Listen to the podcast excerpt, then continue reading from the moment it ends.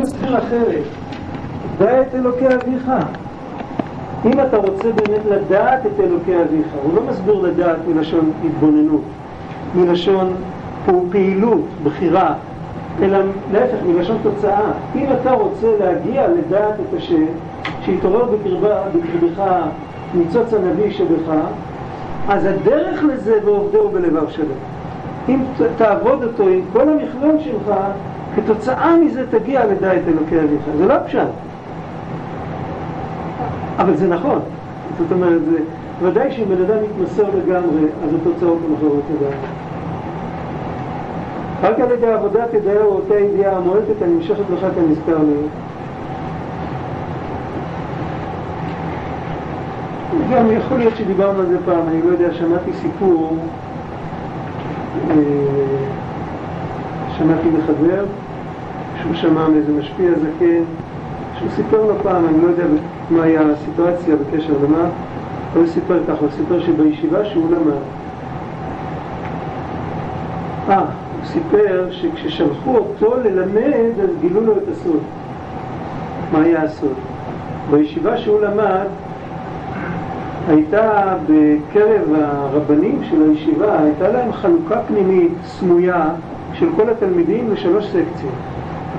סקציה אחת של גאונים, סקציה אחת של בינוניים וסקציה אחת של אנשים פשוטים, שקיוו מהם שהם יהיו אנשי שוק יראים ושלמים. היו כאלה שקיוו מהם שיצאו רבנים וראשי ישיבות, היו כאלה שקיוו מהם שיצאו מורים או משהו כזה, כן. ולכל אחד הם הדריכו, לא באופן רשמי, לא ידע, אף אחד לא ידע מזה, זה לא היה יפה. הם היו מדריכים כל אחד לפי היכולת שלו. אלה מאלה טבעו דברים כאלה, מאלה טבעו דברים אחרים, גם בלימוד וגם בהנהגה וגם בעבודת השם, כל אחד. ועם החבורה של הפשוטים, אז טבעו הרבה עבודות פשוטות. כן, דברים פשוטים, פשיטות, כל זה. כלומר שהיו כאלה שמהקבוצה הכי פשוטה הם יצאו אחר כך בכל השטחים הרבה יותר טובים מהקבוצה הראשונה. שנתנו להם, לא, לא גידלו אותם חד צדדי, נתנו להם ספקטרום, אז היה להם איפה, כל האישיות שלהם יכלה להתבטא. ואלה שהלכו חד צדדי, אז הם כאילו גדלו בחממה, זה אחרת. צריך להבין את זה כל אחד ביחס לעצמו, אנחנו צריכים לדעת ש... הקליפות פוחדים כשבן אדם משנה את ההרגלים שלו. אני לא מדבר על הרגלים טובים, אבל בהרגלים טובים יש הרגלים כאלה שמקבעים אותנו מסוג מסוים של טוב, ו- ובכלל מזניחים סוגים אחרים של טוב. אז עם אחד כזה יצר רע מסתדר יותר בקלות. ברגע שהוא מתחיל לזוז ולכסות את הכל, אז הקליפות מתחילים, מחזיקים את היד על הראש, מתחילים לפחד ממנו, כי אז הוא מתמסר לגמרי להשם יתברך, וכשיהודי מתמסר לגמרי להשם יתברך, אין לאף אחד כוח. הוא הופך להיות עבד מלך מלך.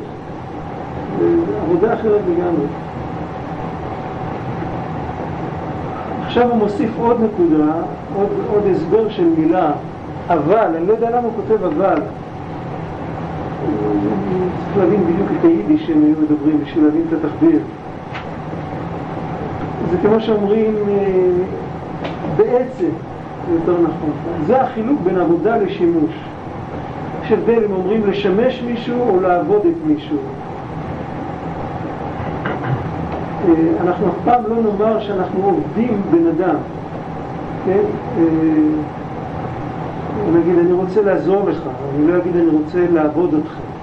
זו מילה גסה, זו מילה לא יפה. אם אני אומר למי שאני רוצה לעבוד אותך, יש לזה קונוטציה שלילית, זה נשמע כמו עבודה זרה. אבל אם אני אומר למי שאני רוצה לשמש אותך, זה בסדר. מה ההבדל? כמעט בכל מקום עבודת האדם להשם לא שימוש נקראת, היא לא נקראת שימוש. עבודת האדם להשם נקראת עבודה, אלא רק עבודה. כי עבודה היא הפעולה המוציאה חלק מכוח העובד ומייגעה אותו. אבל שימוש הוא רק שמשמש ועושה דברים האלו בלא עבודה ואינו נותן את כוחו לו. ובזה לבד, בשימוש אי אפשר לדעת את השם. בשפה שלנו עבודה זה משהו נפשי יותר, שימוש זה משהו טכני יותר.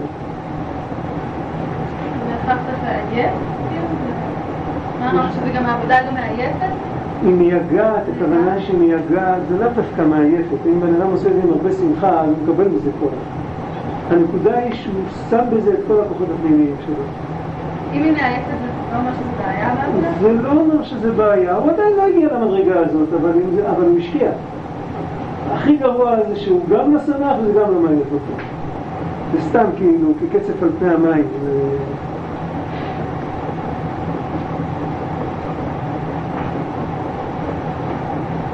עכשיו כאן מתחיל עוד עניין, זה עניין יותר עמוק, ננסה כמה שנבין. כי במאמר הראשון, עכשיו הוא בא להסביר כאן, נקדים קודם, הוא בא להסביר מה הקשר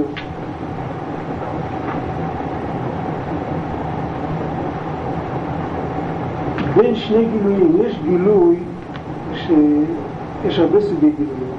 אנשים יודעים, יש, יש משהו שנקרא גילוי אליהו. יש גילוי נבואה, יש כל מיני גילויים. אבל יש שני גילויים שעליהם הוא מדבר כאן. גילוי אחד זה גילוי אלוקות. ושהקדוש ברוך הוא מאיר ש... בלקוטי מוהר"ן כתוב שאם בן אדם מתרגש בתפילה, אז זאת אומרת, נפתח לו, מתנוצץ לו אור אינסוף דרך המילים של התפילה. זה עניין של גילוי אלוקות. ובכל אותם מילים שמתנוצץ לאור אינסוף, במילים האלה הוא, הוא כאילו בן אדם אחר. כמובן צריך להיות זכאי לקבל את זה. זה עניין אחד. ויש עניין של נשמת אדם תלמדנו, שיש גילוי נשמתו של האדם. כתוב על זה שזה יותר גבוה מגילוי אליהו. נשמתו של האדם, אה, יש סיפור, בעל התניא, ביקר אצלו פעם רבי שלמה מקרנין, ועמדו שם, אה, עמדו שם עוד אנשים, וחלקם התפלל, חלקם, והם עמדו בצד ודיברו. אז רבי שלמה הראה לבעל התניא, אחד שעומד ומתפלל, ואמר לו, כשלא התפלל אז עשה משהו אחר, אני לא יודע, אמר לו, אתה רואה את האברך הזה? היה לו כמה פעמים גילוי אליהו. בעל התניא הראה לו על אחד אחר שעמד להתפלל, ועמד בסוף תפילת עמידה, והוא אמר לו, אתה רואה את האברך הזה? הוא אומר עכשיו, שים שלום, טובה וברכה. ומאירה אצלו עכשיו יחידה שבנפש. זה הרבה יותר גבוה מכמה פעמים גידול אליהו. זה פחות בערך הסיפור, לא דייקתי. אבל על כל פנים, ככה כתוב בשם האריזה, שכל הגילויים שמתגלים לאדם, כל סוגי רוח הקודש, הדבר הכי גבוה זה שהנשמה שלו עצמו מתגלת. ובנשמה עצמה יש הרבה דרגות, ושהיחידה שבנשמה מתגלת בו זה הכי גבוה. אנחנו מדברים גם על זה שיחידה שבנפש מתגלת בזמן, בגזרות השמד, בזמן שמכריחים אדם להמיר את דתו, אבל אז לא מתגלת היחידה שבנפש. אז מתגלת התוקף של היחידה שבנפש. והתוקף לא נותן לו, לא נותן לו להשתחוות לעבודה זרה. אבל עצם היחידה שבנפש לא התגלתה אצלה, לפעמים בן אדם זוכר שמתגלה אצלו גם זה. ויכול להיות דרגות יותר נמוכות, אבל הכל בנפש, מתגלה הנפש, מתגלה הרוח, מתגלה לגמרי. עכשיו הוא מסביר שיש קשר בין הגילוי אלוקות שנמשך לאדם מנפשו לבין גילוי אלוקות שנמשך לו מעולמות העליונים. זה מקביל, זה לא הולך בשני קווים שאין להם, להם קשר, אלא שזה היינו הך בעצם. ועל זה הוא נותן הסבר ארוך. ועל כל פנים הקשר בין, ה, בין זה לקטע הקודם, שאם בן אדם מוסר את כל כולו, יש לו סיכוי שנשמתו תתגלה.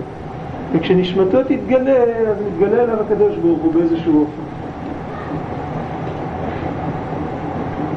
כי במאמר הראשון דיברנו במשל המשפך, כפי שהיה פה כשהתחלנו, איך שכל אשר ישיג איש הישראלי מעניינים הרוחניים רק את הנפש רוח נשמה החיה היחידה שלו הוא משיג.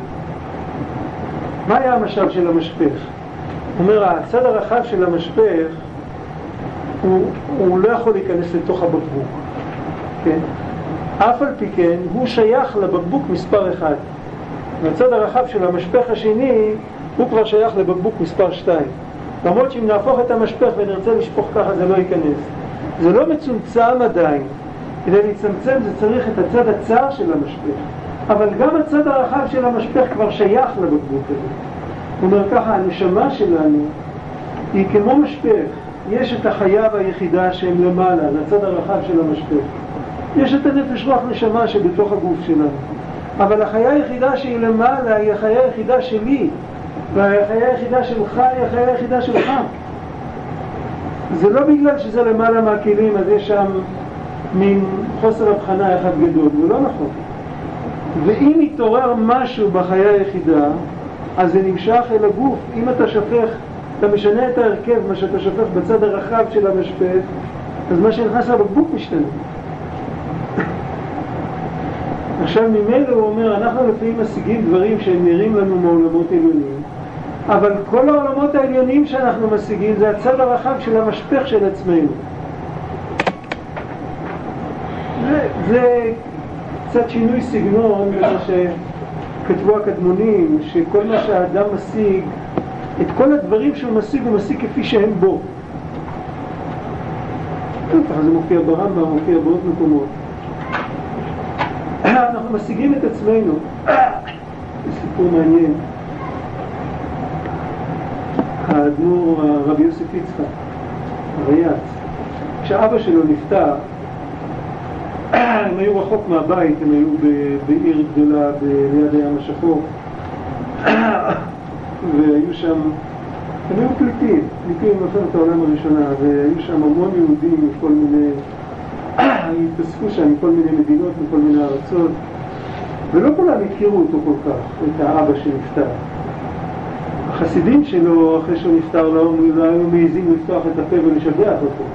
אבל היו שם עוד הרבה אנשים. התחילו לדבר שבחים, נפטר צדיק, אז מתחילו לדבר שבחים. אז הבן שלו, הרייץ, הקשיב לשבחים והוא אמר, הוא אמר לעצמו, שהוא אמר למישהו שהיה לידו, הוא אמר, אה, כל מה שהם משבחים, זה כל אחד משבח את עצמו. את האבא שלי הם לא הכירו, איך הם יכולים לשבח. עכשיו זה נאמר לגבי צדיק בשר ודם. עכשיו כל שכן וקל וחומר אם בן אדם משבח את השם, או שהוא משיג משהו בגדולת השם, הוא משיג איך לדעתו צריך להיראות ריבון כל העולמים. איך אני מתאר לעצמי איך נראה אלוקים, אבל זה הכל איך אני מתאר לעצמי. אבל מה שאני מתאר לעצמי זה החלק הגבוה שלי, זה לא משהו אחר. אז את זה צריך לזכור.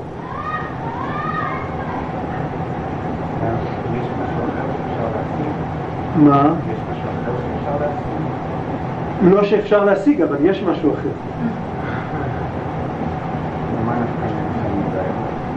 מי אומר שיש נפקא מינה? נפקא מינה לדעת את האמת.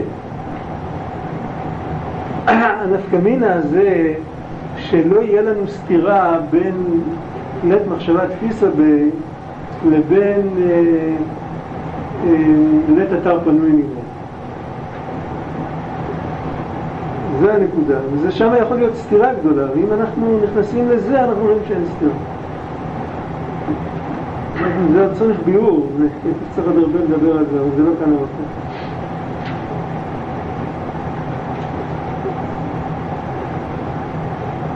ולפי זה היה נראה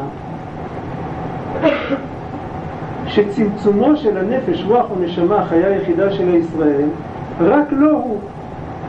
רק לעצמו נוגע ואליו בלבד מתייחס, כאילו אין קשר. מכיוון שבעזרת השם הגענו בדברנו עד פה, רוצים אנו להיכנס יותר בעניין הנזכר לעיל, ולדבר בעזרת השם יותר מעט. איך שהאיש הישראל לא איש פרטי הוא, רק נשמת ויסוד העולם הוא, ולא של העולם הזה בלבד, רק אף נשמת ויסוד כל העולמות עליונים ותחתונים. ולא רק של העולם הפרטי שלו. זאת אומרת, למרות שכל מה שאנחנו משיגים זה הכל רק אנחנו, אף על פי כן אנחנו יכולים לבחור להשיג. ולבחור לא לעשות. אנחנו יכולים גם עם הנפש רוח נשמה חיי היחידה שלנו לקרוא עיתון. זה לא אומר שאיבדנו אותם, אנחנו פשוט שמנו אותם בגלות. אנחנו יכולים לעשות איתם מה שאנחנו רוצים. עכשיו, היות שאנחנו בוחרים בטוב, אז אנחנו מעוררים את כל העולמות. וכאן יש איזה הסבר ארוך וידוע מה שאמר רבי נחמן, שהוא אה, אמר שני דברים, הוא אמר שאם היינו דיברנו על זה פעם, היו הופכים בן אדם, להפוך זה לא עם הראש למטה, הרגליים למעלה, להפוך זה כמו שהופכים חולצה, עם הפנימי החוצה. אם היו הופכים יהודי, אז היו רואים איך שבכל גיד ובכל עורק תלויים רבבות עולמות. כך הוא אמר. דבר שני הוא אמר שכשיהודי עושה עם היד, ככה הוא אמר, יהודי עושה עם היד ככה, אז נעשה ככה בכל העולמות. יהודי עושה עם היד ככה, נעשה ככה בכל העולמות.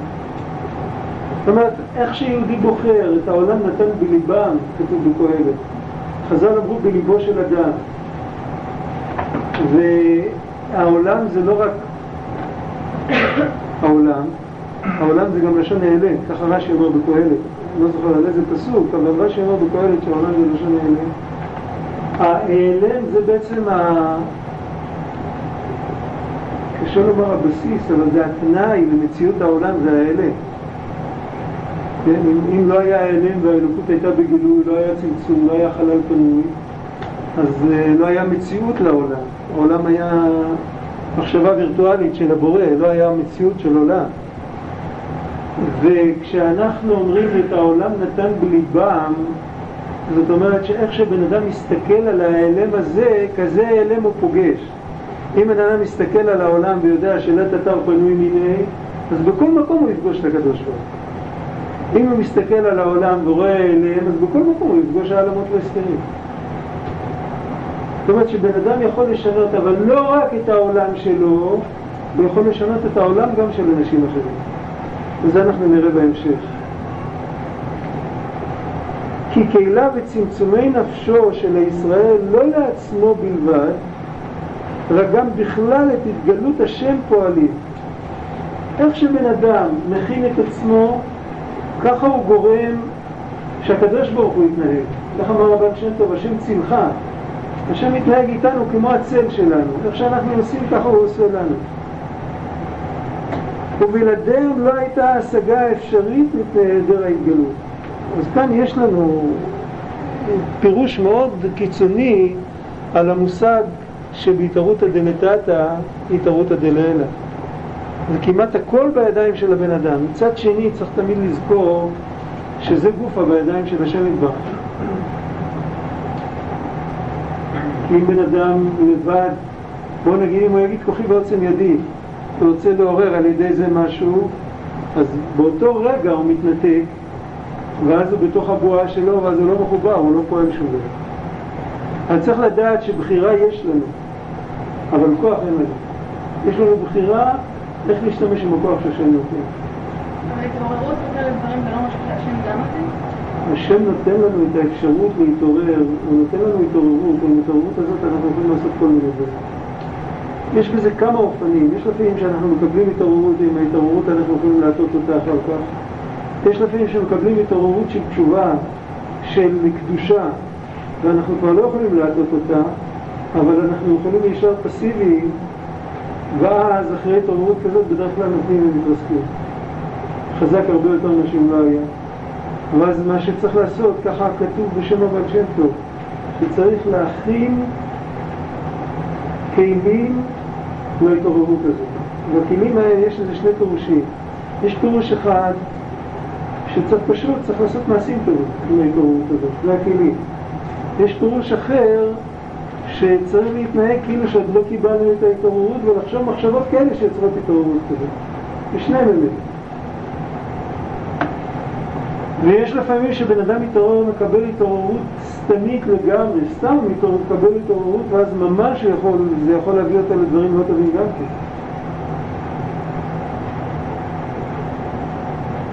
איך שלא יהיה צריך לזכור תמיד כי הוא נותן לך כוח לעשות חי. איך שלא יהיה. דברי חיים, חיים ניצן, אמר בלי עזרת השם אי אפשר להגיע מהכיסא עד לדלת. ועם עזרת השם אפשר לעבור את האוקיינוס בלי אונייה. ככה הוא אמר.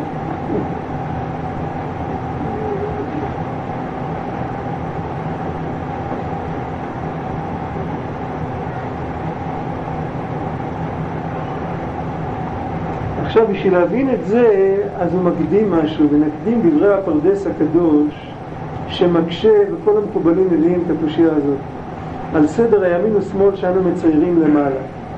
כמו שאומרים, בפתח אליהו חסד רוע ימינה, גבורה דרוע שמאלה, ולכאורה היה צריך לומר להפך. למה היה צריך לומר להפך? כי אם אנחנו עומדים מולו, באיזה צד רואים את היד ימין שלו?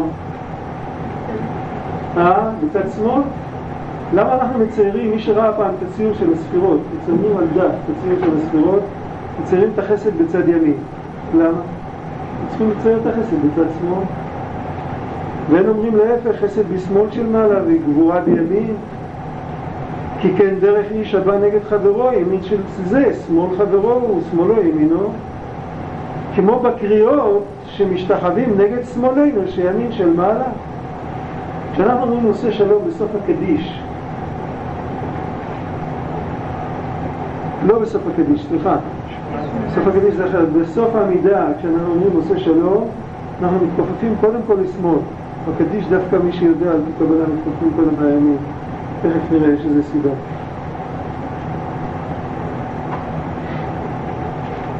מתרץ על זה איזה תירוצים. יש כמה תירוצים, התירוץ הכי פשוט שמובא אה, בשערי ההוראה של רבי יוסף גיקטוליה שאנחנו עומדים מאחורי הקדוש ברוך הוא, לא עומדים מול הפנים שלו. אנחנו רואים אותו מהגב, וראית את אחוריי, פנה אליי הוא לכן הימין שלו זה הימין שלנו. רק בתפילה אנחנו עומדים פנים אל פנים, כמו שאמרו חז"ל, בתפילה יראה את האדם את עצמו כעומד לפני המלך, אז בתפילה אנחנו קודם כל מתכופפים לשמאל ואחר כך לימין, לתת שלום קודם בצד ימין שלו. בקדיש אנחנו כבר עומדים מאחוריו, בשביל זה בקדיש נותנים קודם לימין. זה הפשט, הפשט הקבלי, כמו שאומר. אבל הפרדס, שהוא מתרץ על זה כמה תירוצים, בתוך תירוציו הקדושים אומר בזה הלשון, ואז הוא מגלה את הפנימיות. ולפי האמת, למעלה למעלה וכולו, אין ימין ושמאל. זה קודם כל. למעלה למעלה ימין ושמאל. והכל אחדות, עצם אחד יחיד ומיוחד, ייחוד אמיתי בהחלט.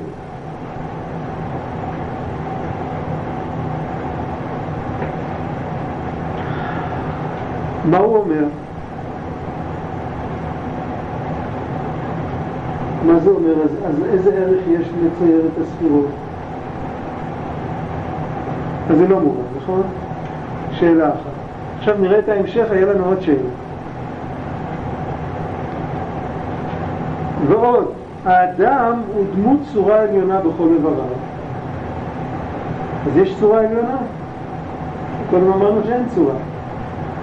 והוא צל עליון שנתגשם דמות בבואה העליונה שנמחית בעולם הזה, וצל ימינו נגד ימין שורשו. אם כן האדם ימינו יהיה נגד ימין העליון ושמאלו נגד שמאלו עיין שם. זאת אומרת, בתירוץ השני הוא אומר משהו פשוט, הוא אומר, זה לא עניין של לעמוד פנים אל פנים, זה לא עניין של לעמוד מאחורי הגב, זה פשוט הימין העליון משתקף דרך הימין שלנו.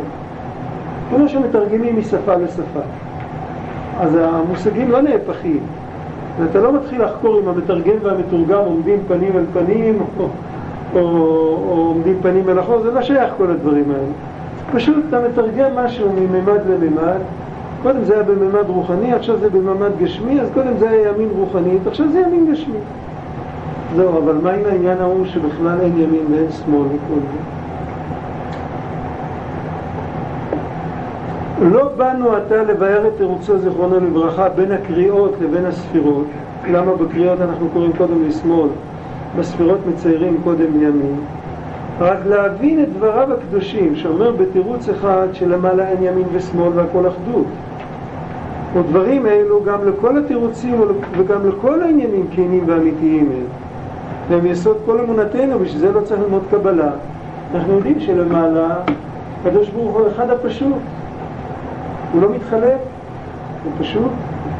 ובתירוץ האחר אומר שהאדם הוא צל עליון, דמות צורה עליונה בכל איבריו, וצל ימינו כנגד ימין שורשו, ואם כן יש ימין ושמאל למעלה. ונראה כסותרים דבריו הקדושים האלו את אלו חס ושלום, ונוכל להבין מעט זאת לפי דרך הבעל שם טוב ותלמידיו הקדושים זכר צדיקים לברכה. כאן הוא נכנס יותר אולי בקיצור, בלי להיכנס לקטע הבא, כבר אין זמן.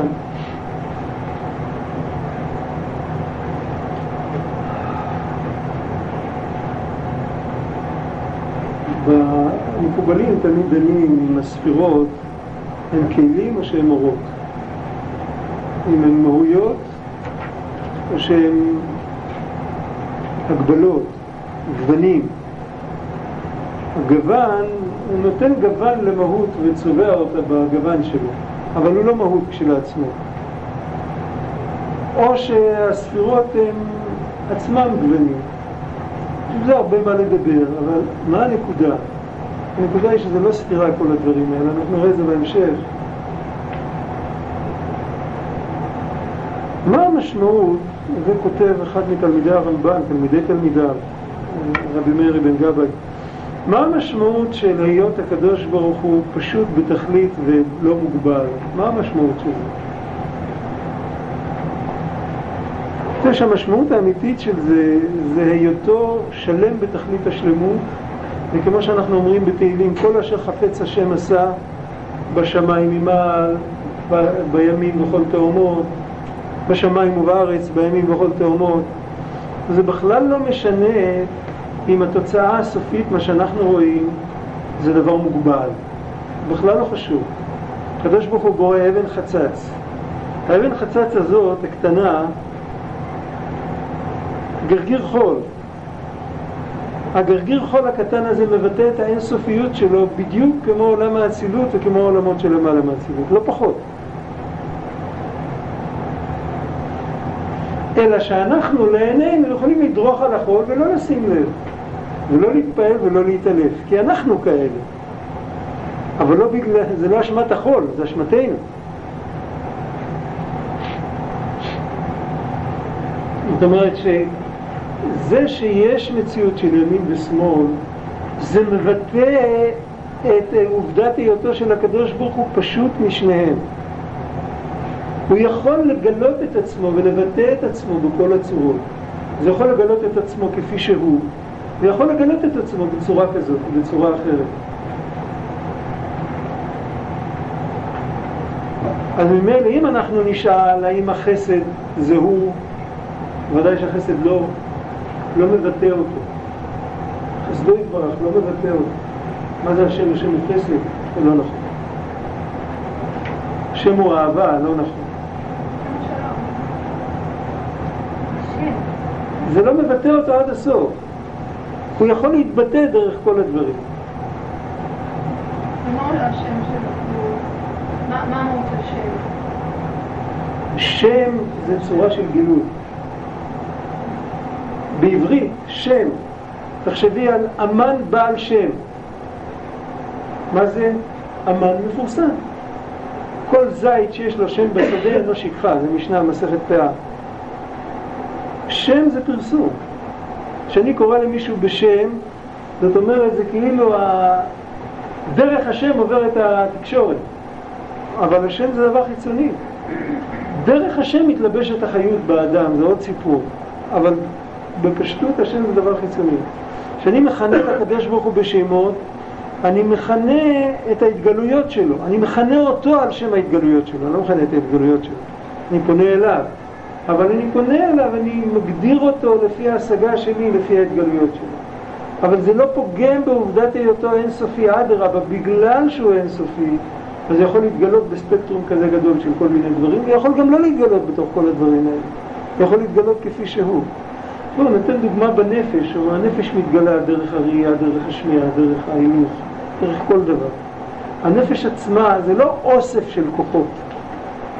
הנפש היא נפש, מה שהיא אנחנו לא יודעים, דיברנו על זה בתחילת השיעור. אין לנו מושג מה זה הנפש. אנחנו רק יודעים שכשהנפש מתגלית דרך הראייה, זה לא שום דבר אחר מאשר הנפש.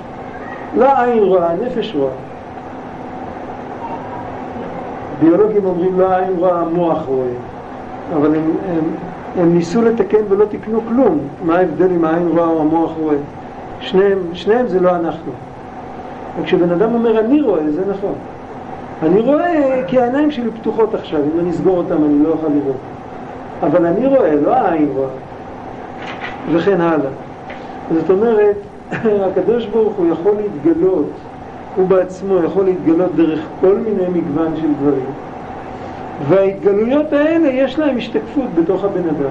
עכשיו אם הבן אדם לוקח את ההתגלויות האלה ועושה איתם דברים טובים, מכוון אותם לטוב, אז הוא לא רק מנענע למטה, זה כמו שכתוב באיגרת התשובה בתניא, זה מבוסס על האור החיים הקדוש, זה מבוסס על פסוק, יעקב חבל נחלתו, שכתוב שם שזה כמו חבל שקשור, צד אחד קשור אצל הקדוש ברוך הוא, צד אחד קשור אצל בנשמה של היהודי. חבל שמנענים למטה הוא מנענע עד למעלה, כשמנענים למעלה הוא מתנענע עד למטה. ואפשר גם להחליש אותו, אם מתחילים, אם מנסים עליו סכיני גילוח וכל זה, אז הוא מתחיל להיות חבל יותר חלש. ואם, ואם חותכים אותו לגמרי, אז כבר צריך לקשור אותו. ובזה הם מסבירים הרבה מאמרי חז"ל וכל זה, אבל על כל פנים, זה העניין, לכל אחד מאיתנו יש כוח לשנות את הכל, ואת הכוח הזה גופה, השם יתברך נתן לנו. ולא צריך, לא צריך לצאת מכאן עם גאווה שמי יודע מה אנחנו יכולים להפוך את העולמות, אבל עם אחריות צריך לצאת. האחריות עלינו, אנחנו יכולים עם מחשבה שלנו, בפרט אם אנחנו מוסרים את כל כולנו, כמה שאנחנו יכולים, לא מדובר, לא בשמיים. אחד שמתחיל לחשוב שהוא צריך מעתה ועד עולם, מעכשיו אה, כל הלילה לצעוק אל השם ולא לישון ולא לאכול, אז הוא לא יבין מה שאנחנו מדברים. מדובר על בן אדם שילך עכשיו לאכול ארוחת ערב, שיקשיב טוב מה הוא מברך לפני המזון, מה הוא מברך אחרי המזון. שידע שהוא מדבר עם השם, וכן הלאה. אז עם זה אנחנו בעצמנו לא יודעים מה, אנחנו עושים, אבל אנחנו פועלים בכל העולמות ובכל הנשמות. טוב. אדם צריך לשנות בעולמות? אם זה מה שהשם רוצה ממנו, אז הוא צריך לרצות את זה.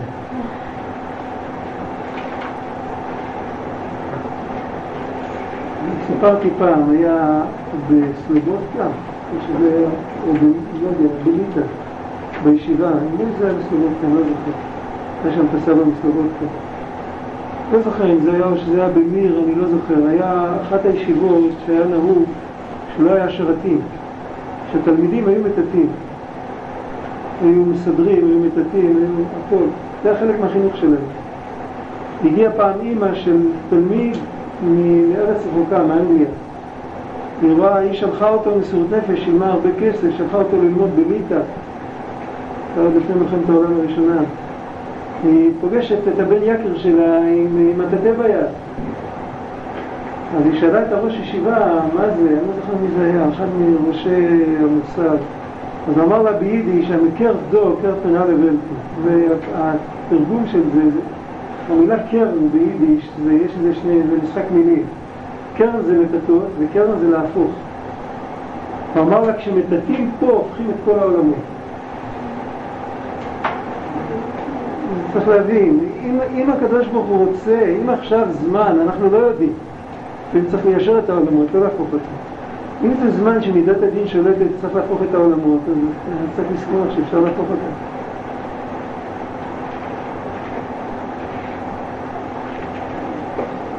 השם יזכינו.